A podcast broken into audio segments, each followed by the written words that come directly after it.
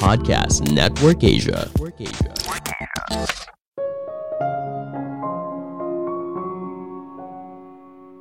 Momen klik dengan seseorang sering kali dianggap sebagai momen yang ajaib. Kita tiba-tiba merasa cocok dengan seseorang, bahkan dengan orang asing. Apakah ini beneran momen ajaib? Halo semuanya, nama saya Michael. Selamat datang di podcast saya, Sikutu Buku. Kali ini saya akan bahas apa rahasia kamu bisa tiba-tiba merasa klik atau cocok dengan seorang, bahkan dengan orang asing sekalipun. Coba ingat lagi, kapan terakhir kali kamu merasa klik dengan seorang, entah bertemu seorang di sebuah pesta atau pada sebuah kencan pertama. Kamu dan dia merasa cocok satu sama lain. Topik pembicaraan mengalir begitu saja, dan semuanya terjadi begitu alamiah tanpa usaha. Ini adalah sebuah pengalaman yang sangat menyenangkan. Apa rahasianya? Apa yang bisa membuat kita klik dengan orang lain? Banyak orang beranggapan semua ini terjadi karena kita memiliki segudang kesamaan dengan orang tersebut. Tapi ada penelitian terbaru yang menarik. Ternyata koneksi ini muncul ketika kamu dan dia punya realita yang sama. Artinya kamu dan dia punya cara pandang yang sama terhadap sesuatu. Sebelum kita mulai, buat kalian yang mau support podcast ini agar terus berkarya, caranya gampang banget. Kalian cukup klik follow Dukungan kalian membantu banget supaya kita bisa rutin posting dan bersama-sama belajar di podcast ini.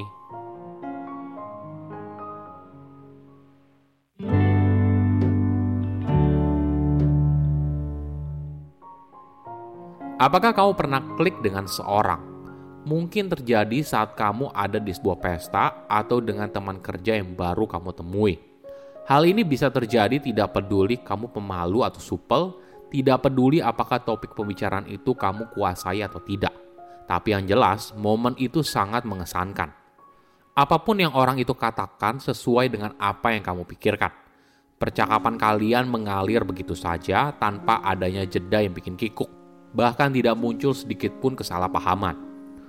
Pengalaman klik dengan seorang mungkin terasa begitu ajaib. Sesuatu yang sulit dijelaskan, tapi rasanya kamu dan dia seperti berada di gelombang yang sama. Banyak orang beranggapan hal ini disebabkan karena kalian berdua mirip atau punya kesukaan yang sama.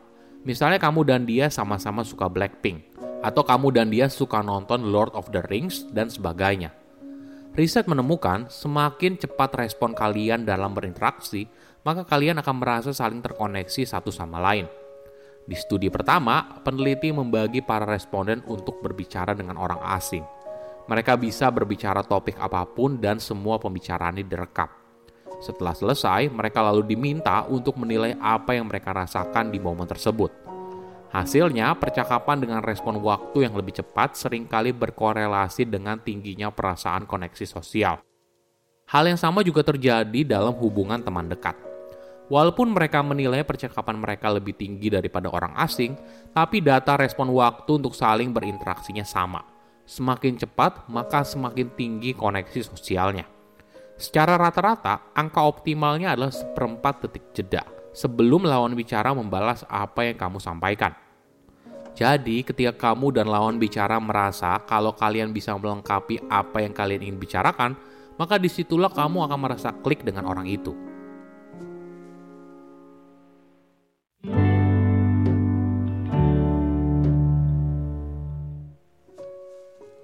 Apa rahasia sebuah hubungan yang klik? Mungkin rahasianya bukan pada siapa kita bicara, tapi apa yang kita bicarakan. Banyak percakapan yang seru dan menarik, entah dengan orang baru atau teman lama, adalah tentang dunia di sekitar kita, bukan soal diri kita. Topik inilah yang membuat kalian semakin dekat satu sama lain. Boleh dibilang, kamu dan dia melihat realita yang sama. Ini ibaratnya kamu dan dia melihat dunia dengan cara yang sama, dan ketika pikiran kalian bertemu, maka seketika kalian terhubung satu sama lain. Seorang peneliti meminta para responden yang merupakan pasangan untuk menilai apa yang mereka setuju atau tidak dengan kalimat kami sering kali berpikir hal yang sama di waktu yang sama. Atau melalui diskusi kami akhirnya bisa punya pandangan yang sama. Dengan metode ini, peneliti menemukan pasangan yang merasakan realita yang sama dengan pasangannya merasa lebih berkomitmen satu sama lain Selain itu, mereka juga merasa lebih dekat secara emosional. Menariknya, berbagi realita yang sama juga bisa mendekatkan orang asing. Peneliti memasangkan para responden yang belum pernah bertemu sama sekali di sebuah platform online. Dia lalu meminta mereka untuk mendiskusikan beberapa gambar yang ambigu dan minta mereka menjelaskan gambar apakah itu. Para responden yang menjawab kalau mereka juga berpikir hal yang sama dengan lawan bicara mereka, ternyata berbagi realita yang sama. Mereka merasa lebih dekat satu sama lain dan senang apabila bisa bertemu langsung di dunia nyata.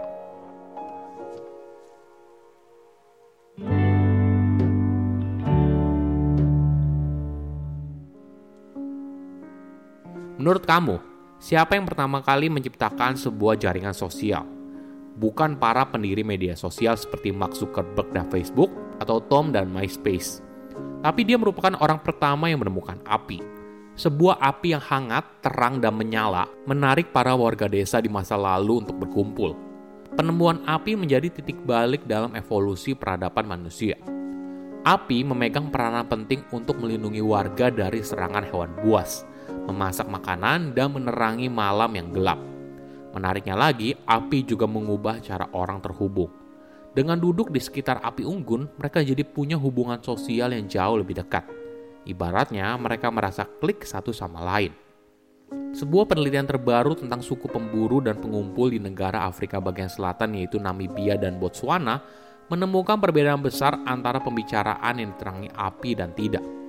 Ketika suku itu tidak berada di sekitar api, pembicaraan mereka hanya seputar hal yang sifatnya praktis dan memberikan sanksi kepada gosip. Sedangkan ketika mereka berada dekat api, maka hal ini akan membangkitkan imajinasi dan membuat hubungan sosial semakin dekat. Percakapan di sekitar api membuat orang yang ada di sana berada di gelombang emosional yang sama, sehingga mereka jadi saling memahami dan lebih mudah untuk membangun kepercayaan. Di masa lalu, nenek moyang kita menggunakan api sebagai bagian penting dalam hubungan sosial dan bertahan hidup. Menariknya, realita yang sama bisa dibuat atau terjadi begitu saja. Misalnya begini, Apakah kamu pernah mengalami terjebak di bandara karena penerbanganmu delay? Tentunya hal ini tidak hanya terjadi kepada kamu seorang, tapi juga pada penumpang lainnya. Nah, coba perhatikan sekeliling. Kamu bisa melihat para penumpang yang awalnya merupakan orang asing, tapi tiba-tiba saja bisa saling ngobrol. Alasan utamanya karena mereka berbagi realita yang sama, yaitu sama-sama terjebak dalam kondisi pesawat yang delay. Situasi ini lalu berkembang dan mungkin saja membuat orang tersebut menjadi klik satu sama lain. Di sisi lain, realita yang sama juga bisa diciptakan. Misalnya kamu dan teman atau pasangan kamu pergi liburan. Nah, ini merupakan realita yang kamu ciptakan bersama dan pada akhirnya bisa membuat kalian semakin dekat satu sama lain. Namun perlu diingat, ketika kamu berada di momen tersebut, fokuslah pada momen itu. Jangan malah kamu sibuk dengan handphone atau media sosial. Nikmatilah kebersamaan yang kalian buat. Sama halnya jika kamu ingin membangun ikatan yang kuat dalam sebuah tim di kantor. Bekerja saja tidak cukup. Mungkin kamu bisa buat jadwal untuk pergi bersama, misalnya dengan outing kantor atau melakukan aktivitas bersama per divisi.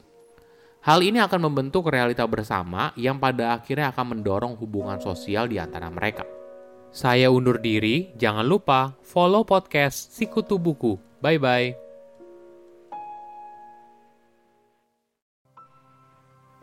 Pandangan dan opini yang disampaikan oleh kreator podcast, host, dan tamu tidak mencerminkan kebijakan resmi dan bagian dari podcast Network Asia. Setiap konten yang disampaikan mereka di dalam podcast adalah opini mereka sendiri dan tidak bermaksud untuk merugikan agama, grup etnik, perkumpulan, organisasi, perusahaan, perorangan, atau siapa pun dan apa pun.